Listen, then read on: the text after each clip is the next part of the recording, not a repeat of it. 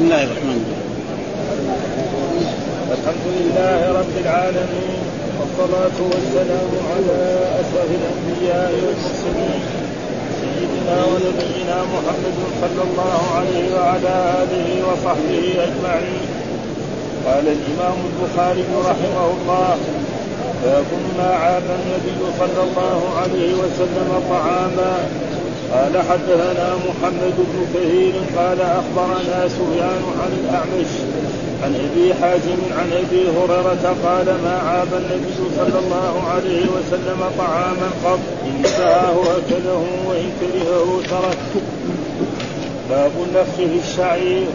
قال حدثنا سعيد بن أبي مريم. قال حدثنا أبو غسان. قال حدثني أبو حازم أنه سأل سهلا هل رأيتم في زمان النبي صلى الله عليه وسلم النقي. قال لا. وهل كنتم تنفذون الشعير قال لا. ولكن كنا ننفخه.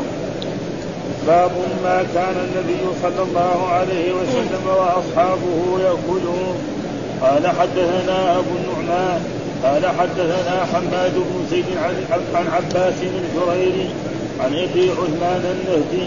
عن أبي هريرة قال قسم النبي صلى الله عليه وسلم يوما بين أصحابه تمرا فأعطى كل إنسان سبع تمرات فأعطاني سبع تمرات إحداهن حشفة فلم يكن فيهن تمرة أعجب إلي منها شدت في مطاوي قال حدثنا عبد الله بن محمد قال حدثنا وهب بن جرير قال حدثنا شعبة عن إسماعيل عن قيس عن سعد عن سعد قال رأيتني سابع سبعة مع النبي صلى الله عليه وسلم ما لنا طعام إلا ورق الحبلة أو الحبلة حتى يضع أحدنا ما تضع الشاة ثم أصبحت بنو أسد تعزرني على الإسلام. خسرت يوم وظل سعيد. قال حدثنا قتيبة بن سعيد. قال حدثنا يعقوب عن أبي حازم قال سألت سهل بن سعد فقلت هل أكل رسول الله صلى الله عليه وسلم النقي وقال سهل ما رأى رسول الله صلى الله عليه وسلم نقيا حين ابتعثه الله. حتى قبضه الله. قال فقلت هل كانت لكم في عهد رسول الله صلى الله عليه وسلم مناقب؟ قال ما رأى رسول الله صلى الله عليه وسلم من فلان من فلان من دين ابتعثه الله حتى قبضه الله. قال قلت كيف كنتم تأكلون الشعير عرى منقود قال كنا نطحنه وننفخه فيطير ما طار وما بقي فطيناه فأكلناه. قال حدثني إسحاق بن إبراهيم قال أخبرنا روح بن عبادة قال حدثنا ابن ابي عن سعيد المقبري عن أبي هريرة رضي الله عنه أنه مر بقوم بين أيديهم شاة مصريه فدعوه فأبى أن يأكل. قال خرج رسول الله صلى الله عليه وسلم من الدنيا ولم يشبع من الخبز الشعير. قال حدثنا عبد الله بن أبي الأسود قال حدثنا معاذ قال حدثني أبي عن يونس عن قتادة عن أنس بن مالك قال لا أكل النبي صلى الله عليه وسلم على خوان ولا في خبزه ولا خبز له مرقق. فقلت لقتادة على ما يأكلون. قال على السفر. قال حدثنا قتيبة. قال حدث قال حدثنا جرير عن منصور عن إبراهيم عن الأسود. عن عائشة رضي الله عنها قالت ما شبع آل محمد صلى الله عليه وسلم من قدم المدينة من طعام الكل ثلاث ليال تباعا حتى قتل باب باب التلبينة قال حدثنا يحيى بن بكير قال حدثنا الليث عن عقيل عن ابن شهاب عن عروة عن عائشة زوج النبي صلى الله عليه وسلم أنها كانت إذا مات الميت من أهلها فاجتمع لذلك النساء ثم تفرن إلا, إلا, إلا أهلها وخاصتها أمرت بضربة من تلبينة فطبخت ثم صنع ثريد فصبت التلبينة عليه ثم قالت كل منها. فإني سمعت رسول الله صلى الله عليه وسلم يقول التدينة مجمة فؤاد مجمة لفؤاد مريض تذهب ببعض الحزن. يكفي أعوذ بالله من الشيطان الرجيم. بسم الله الرحمن الرحيم. الحمد لله رب العالمين والصلاة والسلام على سيدنا ونبينا محمد وعلى آله وصحبه وسلم أجمعين. باب ما عاب النبي صلى الله عليه وسلم طعاما. يذكر لنا في هذا الإمام البخاري رحمه الله تعالى حديث والحديث بنص الترجمة. نص الترجمة ما عاب النبي صلى الله عليه وسلم طعاما. ونص عن أبي هريرة قال ما عاب النبي صلى الله عليه وسلم طعاما قد إن اشتهاه وأكله وإن كرهه تركه. واختلف العلماء في هذا المعنى. والمراد بالطعام هنا نكرة لكن المراد به الطعام المباح. يعني الطعام المباح لا يعيبه الرسول. أي واحد يقدم له طعام مباح قد يكون طبخه طيب قد ما يكون ما, ما, ما نضج. قد يكون فيه نقص من جهات فالرسول لا يعيبه إن ناسبه أكل وإن لم يناسبه لم يأكل. هذا هو. وبعضهم قال لا إذا كان هذا الطعام عيب في الخلق مثلا مثلا لحم هزيل. المضيف اللي ضيف الرسول. الهزل هذا ما كان منه. ها؟ أو كان مثلا طعام يعني خضار ما هو طيب فيه شيء. هذا ما هو منه هذا. وإذا كان لا والصحيح أنه لا يعيب الطعام ايا كان سواء كان من جهة الخلق أو من جهة الصانع مثلا بعد ما يأكل الطعام يقول هذا ناقص ملح زي ما الناس يقول لا أه؟ الرسول ما ناقص ملح يأكل يبنى ولا أه؟ يقول سمن زايد أه؟ ما استوى الرسول لا يفعل لا هذا ولا هذا. هذا صح الأقوال في إيه؟ ما عاب النبي صلى الله عليه وسلم طعاما. لا في خلق نفس الطعام مثلا كأن يكون اللحم هزيلا أو يكون آه، غير ذلك فإنه لا يعيب. وكذلك لا يعيب لأن الصانع إذا عابه ما ينبسط ها إذا واحد قدم لنا نحن في عصر دحين طعام يقول ماذا والله هذا ملح كثير ما هو طيب طعامك أو ما استوى أو الطباخ هذا حقك ما. يعني يتأثر فلأجل ذلك يقول في هذا الحديث باب ما عاب النبي صلى الله عليه وسلم طعاما سواء كان من جهة الخلق أو من جهة الصانع فهو لا يعيبه أصلا إيش الدليل؟ قال حدثنا محمد بن كثير قال أخبرنا سفيان عن الأعمش عن أبي حازم عن أبي هريرة قال ما عاب النبي صلى الله عليه وسلم طعاما قط قط ظرف لما مضى من الزمان دائما قط ظرف واحد يقول ما فعلته قط يعني ما فعلته في إيه؟ فيما عوض ظرف لما إيه؟ يستقبل من الزمان يقول لا أفعله عوض يعني إيه؟ في المستقبل. هذا معناه قد ظرف لما مضى من الزمان زي ما نقول مثلا آه امسي آه مثلا. فهذا معناه. ف الشرح يقول ما عاب النبي صلى الله عليه وسلم أي مباحا. أما الحرام يقول لو قلت مثلا شيء محرم ها؟ من الأشياء المحرمة تزير أو غير ذلك أو هذا فما ما يسكت الرسول. يسكت لا على بعض فإذا المراد به فكان يعيبه ويذمه وينهى عنه. وقد مر علينا في دراستنا أن الرسول صلى الله عليه وسلم لما كان في مكة جاء رجل أعرابي كان صديق للرسول قبل ذلك وقدم له راوية فيها خمر. ها؟ يعني قربة فيها خمر. فقال له الرسول هذا حرام. قال له قال للرسول طيب إذا بيعه. قال الذي حرم شربه وحرم بيعه. فأمر بإراقته.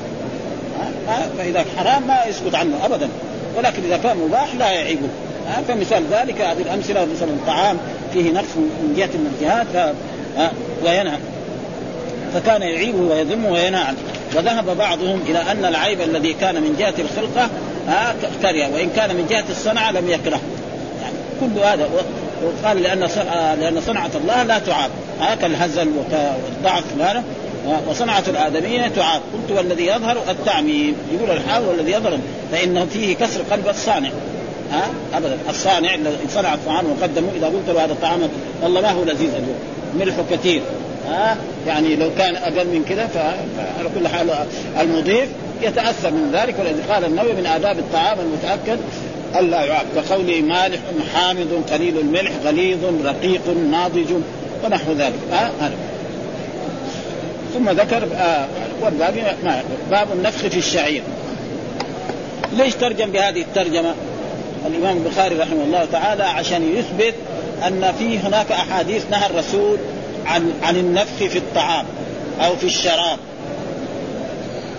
آه مثلا واحد يأكل الطعام حار يقوم ينفخ كذا عشان يخف هذا ممنوع حرام ما يجوز. هذا نهى الرسول عنه. نعم كذلك مثلا شراب شاهد الآن بيشرب أو حليب ويكون حار فيقوم ينفخه بفمه. هذا ممنوع. فلما هذا فأراد هنا يبين أن النفخ الشعير جائز. النفخ في الطعام لأن الشعير طعام. هل يجوز النفخ في الشعير إذا طحناه وصار فيه يعني قشور الجواب جائز. فالمرأة أو الذي تطعم سك. يروح إيه؟ كثير منه يروح من الايه؟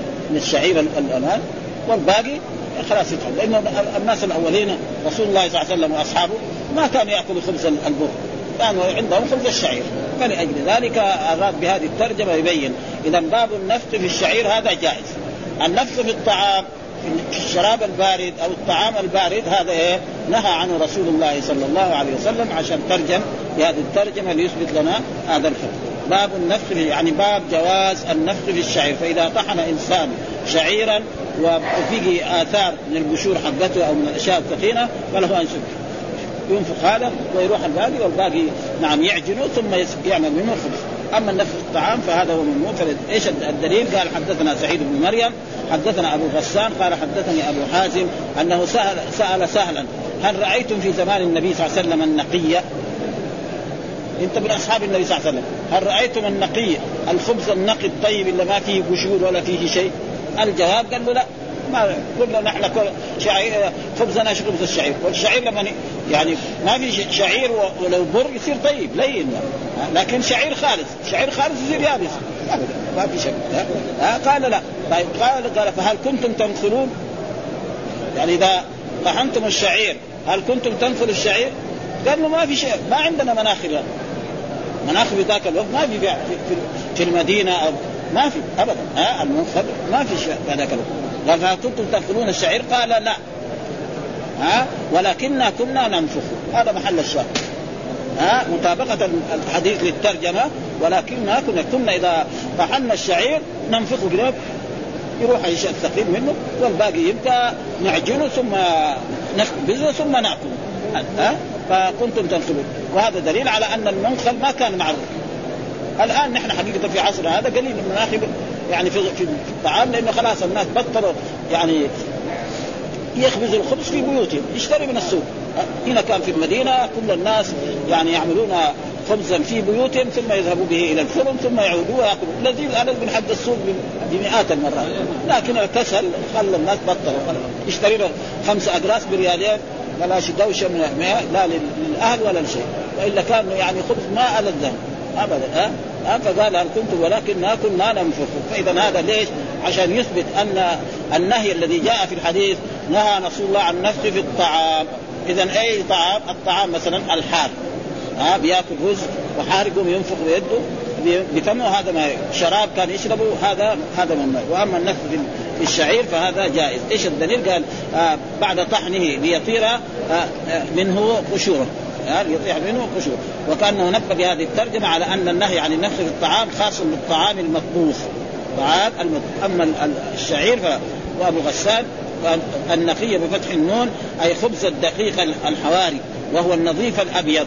وفي حديث البعث يحشر الناس على أرض عفراء كخبزه النقي وذكر وذكره في الباب الذي بعد من وجه آخر عن أبي حازم أتم منه. قال لا هو موافق لحديث أنس المتقدم ما رأى مرققا. ما رأى مرقق يعني الرسول ما أكل طعاما يعني خبزا مرققا يعني أبيض جدا ما في شيء من الإيه من الخشونة. ولكن كنا ننفخ ذكر في الباب الذي بعده بلفظ هل كانت لكم في عهد رسول الله مناخر قال ما رأى النبي صلى الله عليه وسلم منخلا من حين ابتعثه الله. يعني من حين ابتعثه لأنه حينما ابتعثه الله ما خرج من إيه؟ من مكة ولا خرج من المدينة. إلا خرج مثلا خروج تقريبا إلى نص الجزيرة وذهب إلى تبوك بس. وهذه الأشياء ما توجد، المناخل توجد في مثلا في الشام يمكن توجد. ها؟ في العراق يمكن توجد والرسول ما رأى ذلك. ها؟ ما يعدوا هذا اصحاب الحرفة. ها؟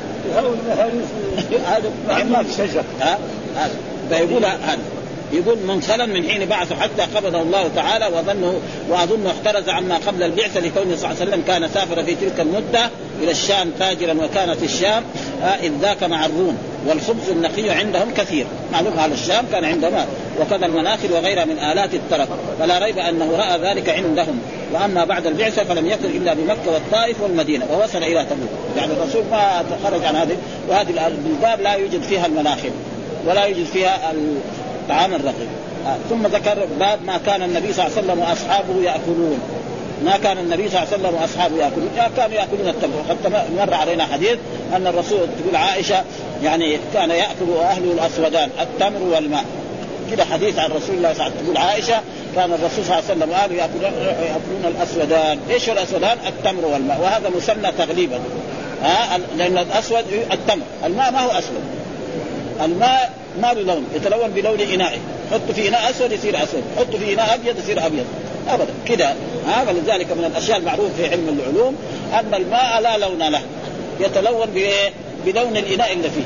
أبدا. فإذا الأسود التمر. معلومة التمر كثير أسود. فقال الأسود. وهذا مثنى تغليب. زي ما يقولوا مثلا الأبوان للأب والأم والعمران لأبي بكر والبيعان. وهذا قال ما كان النبي وأصحابه يأكلون يعني كانوا يأكلون التمر. نعم و وكذلك التمر مو كل تمر. فلذلك جاء إن أبو هريرة يقول أن الرسول أعطاه له سبع تمرات واحدة منهم حشفة. معروف الحشفة حتى الحيوانات ما تبغى لكن هو ناسبته هذا التمر. يحطها في فمه ويقعد يلوتها. يعني هذيك يمكن اللينة يأكلها في دقيقة واحدة أو في دقيقتين. لكن الحشفة هذه يحطها في فمه يمكن تقعد ربع ساعة ولا نص ساعة. الفقير مكسب هذا. الرجل الضعيف وهذا يعني الحشفة فيها فائدة. ابدا. ما يرميها. يعني حشفة ويأكلها كمان ليه؟ للحاجة. لكن بكرة إذا صار ربنا أنعم عليه ما يأكلها. ابدا. ولأجل ذلك ذكر ما كان النبي وأصحابه يأكلون إذا كانوا يأكلون التمر ويأكلون الأشياء الغير النقية الخبز اللي يعني صنع بالشعير ولم ياكل مرقب ولم يكن منفولا إيش الدليل؟ قال حدثنا أبو النعمان حدثنا حماد بن زيد عن عباس الجريري عن أبي عثمان النهدي عن أبي هريرة قال قسم النبي صلى الله عليه وسلم يوما بين أصحابه تمرا. يقول إن أبا هريرة يقول قسم النبي صلى الله عليه وسلم يوما بعد بين أصحابه تمرا فأعطى كل إنسان سبع تمرات. وأعطاني سبع تمرات إحداهن حشفة. أنا يعني قسمي كذا الرسول ما قسم يعني أعطاني سبعه واحدة منهم حشفة. قال فلم يكن فيهن تمرة أعجب إلي منها شدت في مضاغي في مضاغي مضاغي يعني حطيتها في فمي صرت أمضغها يعني ساعة زمان أو نصف نهار شوف ها؟ ليه؟ للحاجة واحد دحين لو أعطاه تمرة والقرآن يقول ولا تيمموا الخبيثة منه تنفقوا ولستم بآخذيه إلا أن تغمضوا فيه. واعلموا أن الله غني حميد. يعني لا يجوز الانسان ولن تنالوا البر حتى تنفقوا لكن إذا ما في إلا هذا ماذا يفعل؟ يعتق ها؟ فيقول الرسول أعطاهم سبع تمرات وكان من جملتها هو حشفه وكانت الحشفه هذه يعني أعجب إليه لأنه كان يمصها ويمضغ فيها يمضغ فيها ساعة زمان ساعتين أكل أكثر يعني أحسن. أما التمرة اللينة هذه دغري تروح تنبلع بسرعة. يعني ما تقعد في فم يمكن إذا كانت لينة جدا ولا تقعد خمسة دقائق. أقل من مثلا دقيقة واحدة. واحد الرطب يحط فمه دغري ينبلع على طول. ها؟ فهذا معناه وهذا محل الشاهد أنه كانوا يأكلون. يعني ناس يعني ما انبسطت لهم الدنيا. والرسول صلوات الله وسلامه عليه لو أحب الدنيا لكان ملكا. نعم رسولا مثل سليمان عليه السلام. لكن خيره. يكون نبيا عبدا أو يكون نبيا رسولا ملكا فاختار أن يكون نبيا عبدا. ويتخذ ذلك ليوم القيامة. وكان أصبح كذا تقول عائشة يعني كان هو أهله يأكل الأسودان التمر والماء وما يهدى لرسول الله صلى الله عليه وسلم من تمر من من لبن من الأنصار. يعني بعض الأنصار اذا عندهم لبن معلوم الأنصار أغنياء وأهل فلاحه واهل زراعة عندهم غنم وعندهم بقر يمكن فيحلبوا ويقدموا للرسول صلى الله عليه وسلم حليبا أو لبنا. ولأصحابه. الحديث الثاني قال حدثنا عبد الله بن محمد حدثنا وهب بن جرير حدثنا شعبة عن إسماعيل عن قيس عن سعد. آه قال آه آه رأي قال رأيتني رأيتني سابع سبعة مع النبي صلى الله عليه وسلم ما لنا طعام إلا ورق الحولة أو الحبلة حتى يضع أحدنا ما تضع الشاة ثم أصبحت بنو أسد تعذرني على الإسلام خسرت إذا وضل سعيي. يقول هذا مراد بسعد مين؟ سعد أبي وقاص. سعد بن أبي وقاص أحد العشر المبشرين بالجنه قالوا رسول الله صلى الله عليه وسلم يقول رأيتني سابع سبعة. يعني لما بعث الرسول محمد صلى الله عليه وسلم ودعا إلى الإسلام معروف أن أول من آمن معه من الرجال أبو بكر. وأول من آمن من النساء خديجة. وأول من آمن من الصبيان علي بن أبي طالب. وأول من آمن الموالي زيد بن حارث. ثم أبو بكر دعا ناس. إلى الإسلام وأسلموا. وهذول السبعة يقول ذكرهم هنا انه أبو بكر وعثمان وعلي وزيد بن حارثة والزبير وعبد الرحمن بن عوف وسعد بن أبي وقاص. ها؟ يعني هو السابع فالأول اذا أبو بكر. ها؟ وعثمان وعلي وزيد بن حارثة والزبير وعبد الرحمن بن عوف وسعد هو السابع. يعني سابع سبعة. معلومه الإسلام؟ ابدا. والتانيين هذول هذول في بيته. مثلا خديجة كانت زوج النبي صلى الله عليه وسلم. هذه في البيت. وكذلك علي كان يعني عند رسول الله صلى الله عليه وسلم في بيته لأنه آه يعني أبو طالب عنده أولاد كثير فأخذه الرسول عنده. وزيد بن حارثة كان مولى لرسول الله صلى الله عليه وسلم. فيقول كان سابع سبعة يعني. ف بعد ذلك صار إيه؟ صار غني. هذا الرجل ها؟ ويكفي ذلك ما تقدم لنا في دراسته أنه لما مرض في حجة الوداع وزاره الرسول صلى الله عليه وسلم قال يا رسول الله أنا عندي مال كثير ولا يرثني الا ابنه أفأتصدق بمالي؟ قال له الرسول لا. قال له بالشطر؟ قال له لا. قال له بالثلث؟ قال والثلث كثير. إنك إن تذر ورثتك أغنياء خير من أن تذرهم عاله يتكففون الناس. ما روي ها؟ فالانسان إذا يبغى يتصدق يتصدق به ولا يجوز لأحد أن يتصدق بماله كله ابدا. وأي إنسان تصدق بماله كله في اليوم الثاني يصير مجنون. إلا أبو بكر الصديق. هذا فعل وما جرى بشيء. ابدا. هذا تقدم لنا برضه في دراسته أن الرسول دعا اصحابه مرة إلى الصدقة فجاء أبو بكر بماله كله. فقال له الرسول ماذا أبقيت لها؟ قال أبقيت لهم الله ورسوله. وعمر قال خليني هذه المرة أنا أسبق بلكن أبو بكر. فأتى بنصف ماله. فسأله الرسول ماذا أبقيت لها؟ قال النصف فعلم من ذاك اليوم أنه لا يسبق أبو بكر ابدا لأن أبو بكر صديق.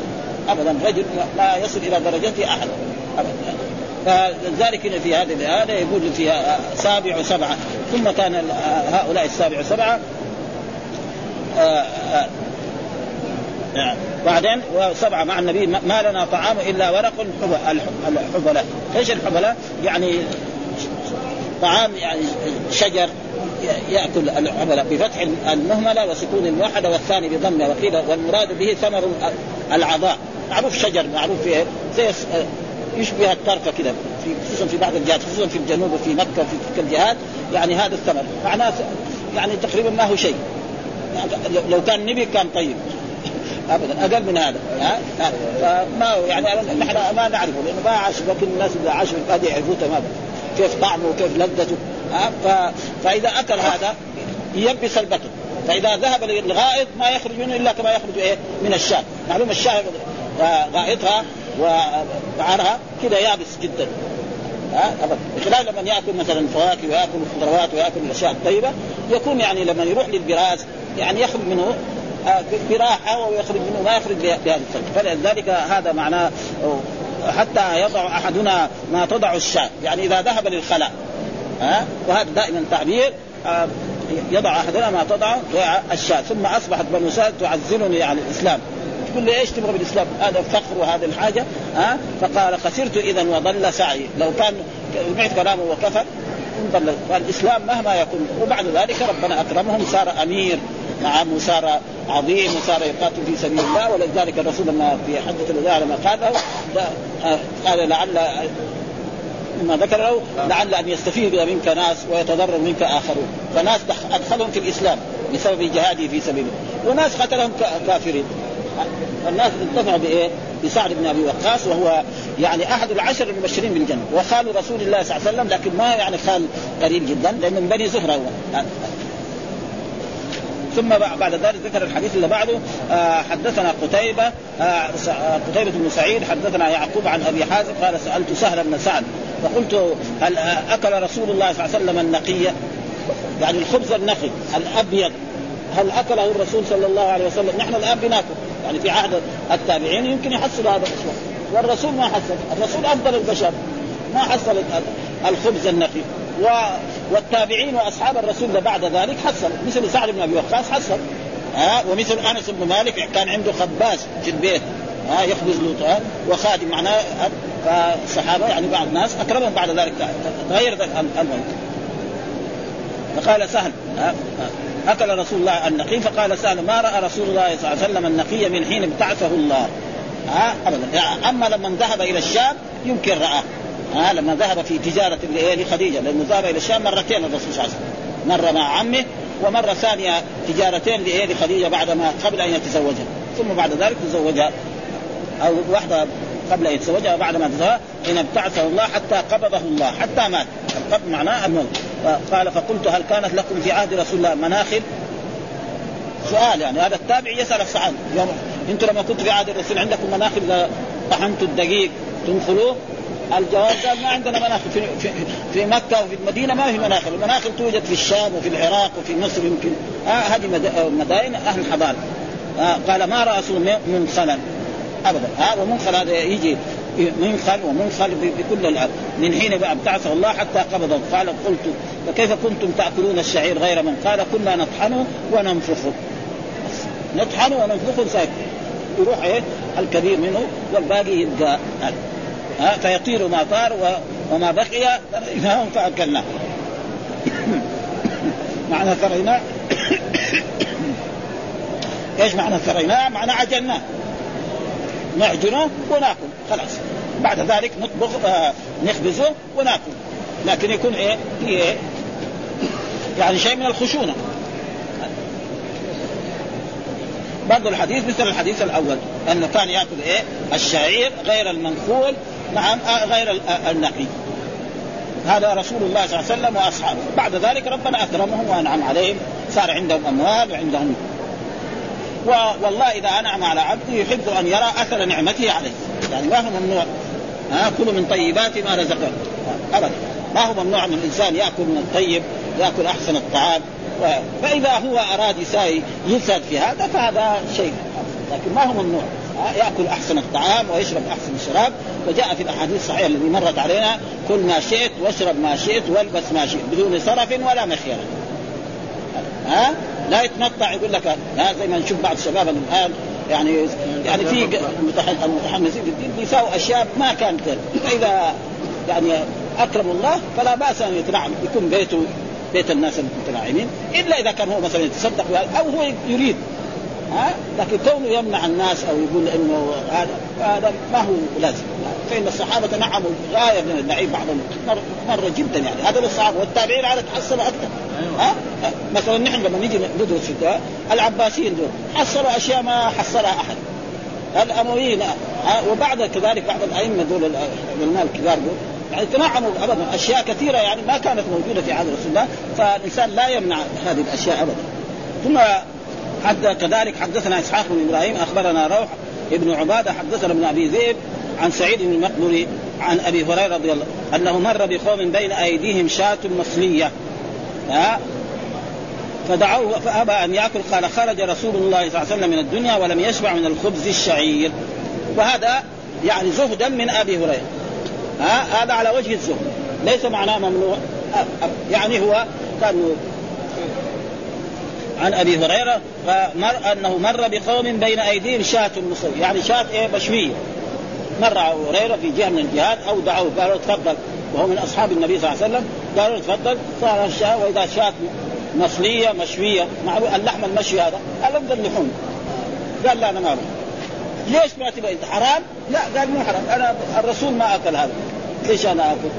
فهذا على وجه الظهر لو جلس واكل ما هو ممنوع. ها؟ أبدا ها؟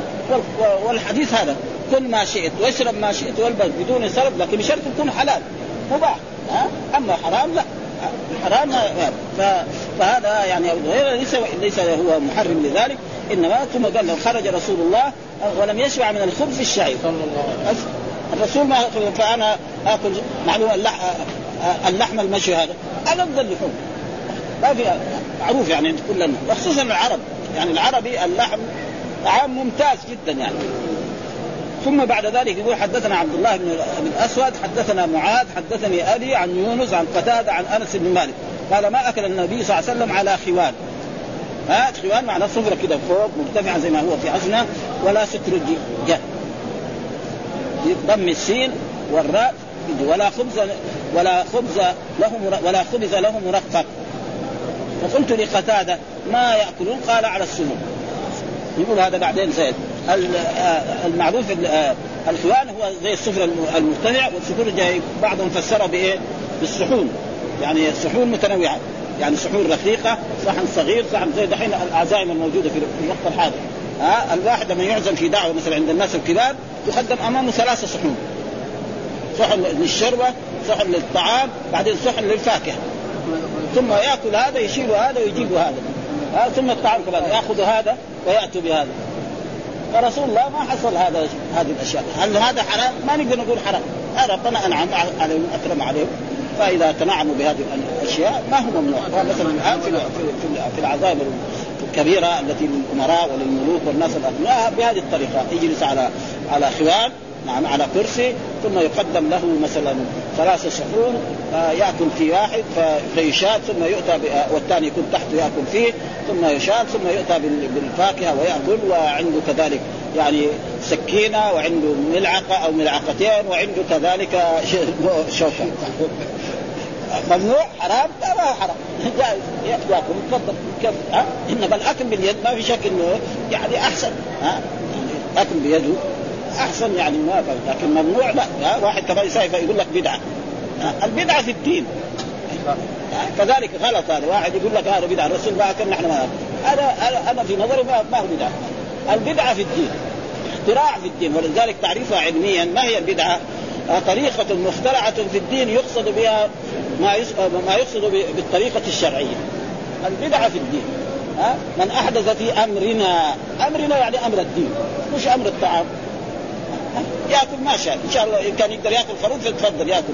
بس يجيبه من فين؟ جاب الخروف هذا؟ ها بطريق حلال. فإذا جاء بطريق حرام سيأكل وبعد ذلك يسأل. ها كل درهم سيسال من أين اكتسبه وفيما أنفق. كل واحد سيسأل عن هذا. من فين جبت الريال؟ وفين أنفقت الريال؟ فين القرش؟ وهكذا. لابد من الحسب هذا. فلذلك في هذا الحديث يقول آه ولا ولا خبز له مرقق يعني ما كان خبز مرقق ومعنى المرقق معناه إيه؟ يعني الأبيض الرقيق جدا. إنما كان يأكل خبز. وقلت لقتادة على ما قال على السفر، السفر معناه يعني السفرة معروف، السفرة إما توضع على الأرض نعم ويأكل عليها ومقصود أن السفرة الذي تقدمت لنا عن أسماء.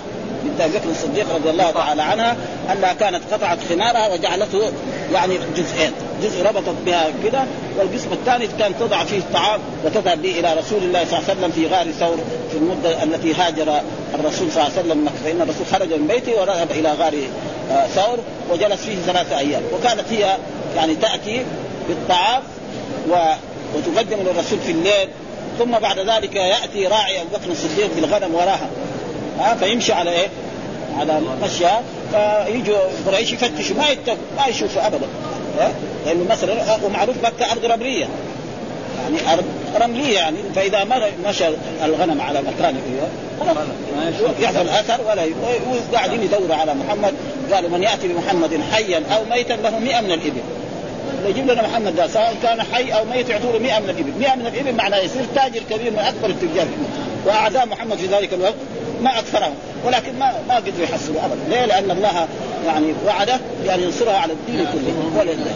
ثم بعد ذلك ذكر حدثنا قتيبة حدثنا جرير عن منصور عن إبراهيم عن أسود عن عائشة رضي الله تعالى عنها قالت ما شبع آل محمد منذ قدم المدينة من طعام البر ثلاث ليال تباعا حتى قبض وذاك الوقت يمكن يعني هذه الرواية يمكن الشعير لأن البر ما كان موجود.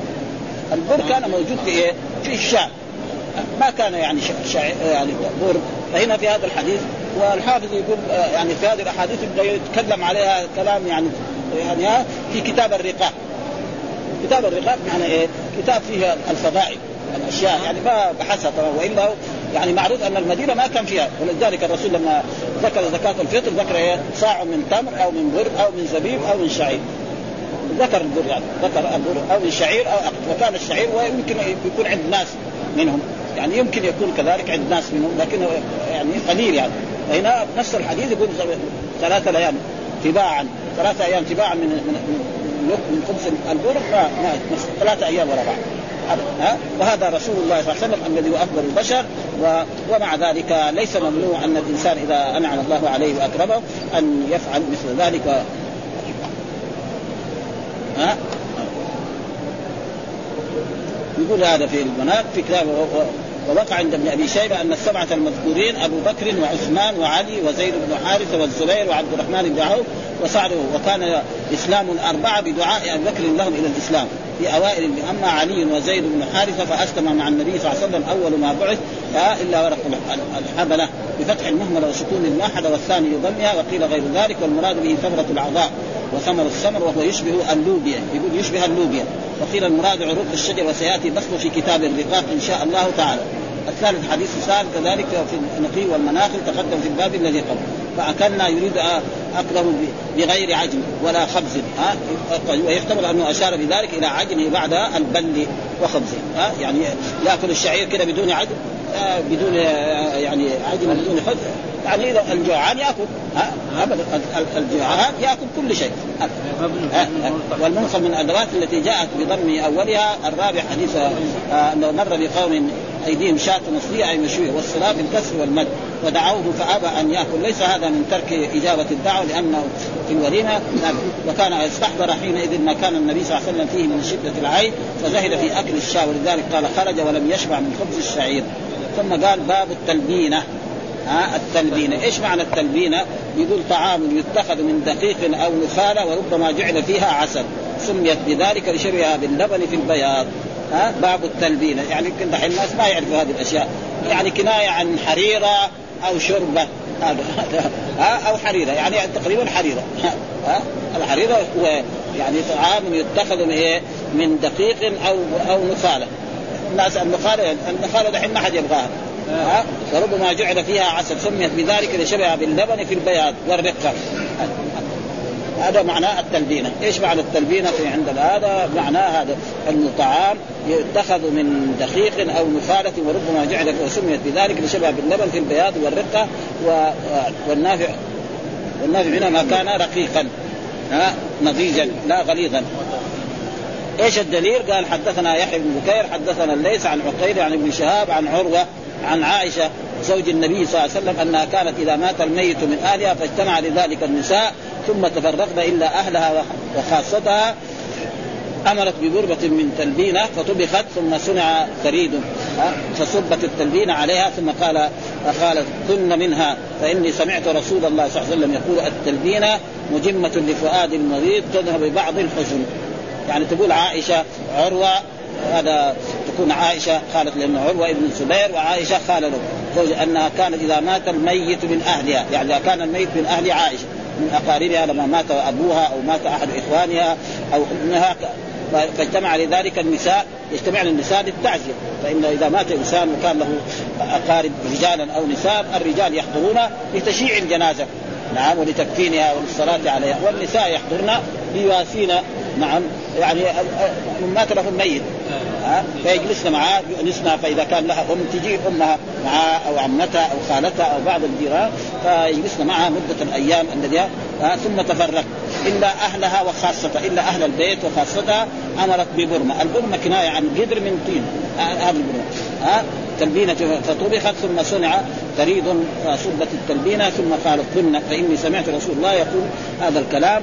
التلبينة مجمة لفؤاد المريض تذهب. قال مجمة بفتح الجيم بفتح الجيم مجمة والميم الثقيلة أي مكان أي مكان الاستراحة. ورويت بضم الميم أي مريحة. والجمام بكسر الجيم الراحة. وجم الفرس إذا ذهب إعياؤه.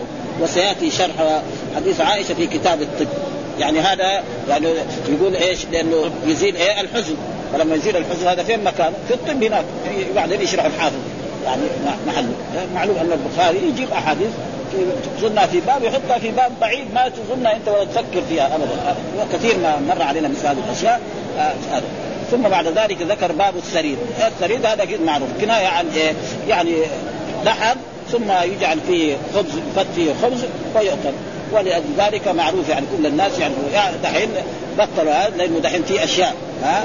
يعني سموا الرز ها؟ سموه دحين في, الوقت الحاضر يقول كبسة خلاص ها؟ في الرياض وفي الدنيا في المطابخ اسمه كبسة، إيش الكبسة؟ هي كنايه عن لحم ورز هذا ها؟ بطلوا أول كان رز بخاري رجال دحين لا يقول كبسة. خلاص نحن تغدينا اليوم كبسة معروف إنه إيش؟ لحم نعم ورز مع هذا اصطلاح جديد دحين وإلا أول ما كان هذا الاصطلاح. ها؟ يعني بعض إخواننا قد يسمع في الإذاعة أو يسمع في التلفزيون أو يسمع في هذا. فالكبسه معناه هو رز بلحم. خلاص. ها فالثريد كذلك. إيش كان الثريد هو كناية. يعني لحم فيه مرق ثم بعد ذلك يفت فيه الخبز. فإذا فت فيه الخبز فيكون لذيذ ألذ يمكن ألذ من من من, من اللحم مع الرز. ها؟ ها, ها؟ التلبين أحسن من الرز. باب السريد ها؟ باب السريد طيب إيش السريد شوف إيش يعني السريد إيش؟ يعني يقول باب السريد إيش؟ يجيب حديد يقول كمل من الرجال كثير. آه، حدثنا محمد بن بشار حدثنا غندر حدثنا شعبة عن عمرو بن مرة الجملي عن مرة عن مرة الحمداني عن أبي موسى الأشعري عن النبي صلى الله عليه وسلم. قال كمل من الرجال كثير. ولم يكمل من النساء إلا مريم بنت عمران وآسية امرأة فرعون وفضل عائشة على النساء كفضل الثريد على سائر الطعام. يقول في هذا الحديث عن عن أبي موسى الأشعري الصحابي الجليل عن النبي صلى الله عليه وسلم كمل من الرجال كثير، الرجال الذي كان فيهم الكمال كثير ها؟ مثلا يجي أصحاب الرسول صلى الله عليه وسلم أبو بكر وعمر وعثمان وعلي والعشرة والحسين والحسن وكثير يعني وكذلك من أصحاب الأنبياء المتقدمين أصحاب نوح أصحاب إبراهيم أصحاب كثير. لكن النساء اللي كمل كامل كاملة في المية مية يقول ما في إلا ثلاثة. ها؟ مين هم الثلاثة؟ قال مريم بنت عمران. أم إيه؟ عيسى عليه السلام وآسيا امرأة فرعون. ها؟ مثل ما قال؟ ضرب الله مثل الذين آمنوا فرعون إذ قالت رب ابني عندك بيتا في الجنة ونجني من فرعون وعملي ونجني من القوم الظالم ومريم بنت عمران التي احسنت فرجها فنفخنا نفخنا فيه من روحنا وصدقت بكلمات هؤلاء من النساء كمان. بعد ما حل الشاهد وفضل عائشة على النساء كفضل الثريد على سائر الطعام. فضل عائشة على النساء جميعا كفضل أه ومن أفضل؟ هل عائشة أفضل أو فاطمة أفضل؟ يعني في أحاديث تثبت أن فاطمة أفضل. فلكن هذا فضل ليه؟ من جهة عائشة أفضل من من فاطمة. ليه؟ لعلمها. يعني علم عائشة لما يعد الصحابة الكبار في الأحاديث تيجي في القائمة هي. يعني يمكن عندها 2000 حديث. لما نجي فاطمة أحاديث اللي روتها ما ما تجي كذا فمن جهة فضلها من جهة العلم هي أفضل يمكن من فاطمة. وخديجة مثلا ها كذلك لها فضل عظيم جدا. لكن من جهة العلم يمكن عائشة أفضل من إيه؟ من خديجة وأفضل من إيه؟ نعم وأفضل من فاطمة. لكن من جهة هذا يمكن هؤلاء ونحن ما لنا شغل. على كل حال هذه فاضلة وهذه أفضل. زي ما يقول لما نقول محمد افضل من خالد. معناه هذا فاضل وهذا لكن هذا يزيد. فعائشة نقدر نفضلها من جهة العلم. ولكن من جهة الثانية نحن ما نقدر. هذا إنه الرسول ذكر يعني فاتنا في أشياء كثيرة وكذلك خديجة أثنى عليها فمحل الشاهد والرسول دائما يخاطب الناس بالأسلوب الذي يفهموه. مثلا العربي يعرف الثريد ما يقول له مثلا أشياء ما يعرفها. ها؟ ها؟ ما يقول له مربى ولا يقول له أشياء كذا ما يفهمها ولا أشياء. يعني ولا أشياء ما أشياء ما, ما هي معروف في ذلك العهد ابدا أشياء فضل الثريد أي عربي يعرفها ما يحتاج ابدا، إيش الثريد؟ هو كناية عن لحم ومرق ويحط فيه خبز فيكون أكلة لذيذة، فقال فضل عائشة على النساء كفضل الثريد، إن إحنا نفضلها من جهة العلم بالنسبة إلى غيرها، بالنسبة إلى خديجة وإلى عاد. فالحديث الأول عن أبي موسى، الحديث الثاني عن عن عن أنس، يقول حدثنا عمرو بن عون حدثنا خالد بن عبد الله عن أبي طواله عن أنس عن النبي صلى الله عليه وسلم قال فضل عائشة على النساء كفضل الثريد على سائر الطعام. خلاص ثم بعد ذلك مثل الحد بس هذاك إيه؟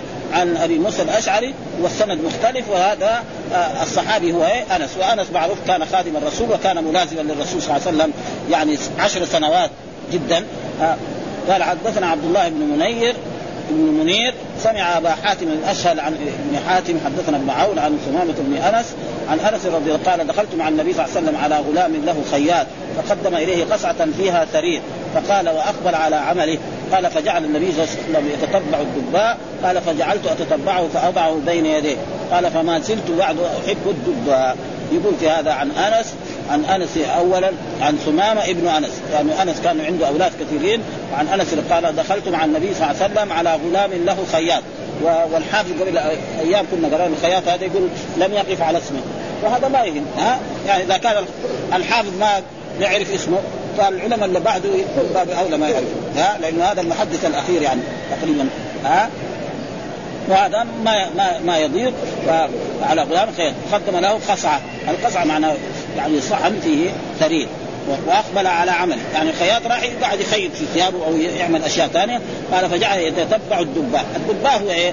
هو معروف الذي هو يسمى اليقطين ويسمى القرع. معروف ها؟ يعني بعض البلاد القرع معروف عنده. اليقطين وكان الرسول يحبها فصار أنس يقوم يشيل الدبة من أمامه ويحطه أمام الرسول صلى الله عليه وسلم. هذا صار الرسول يأكل من هذا.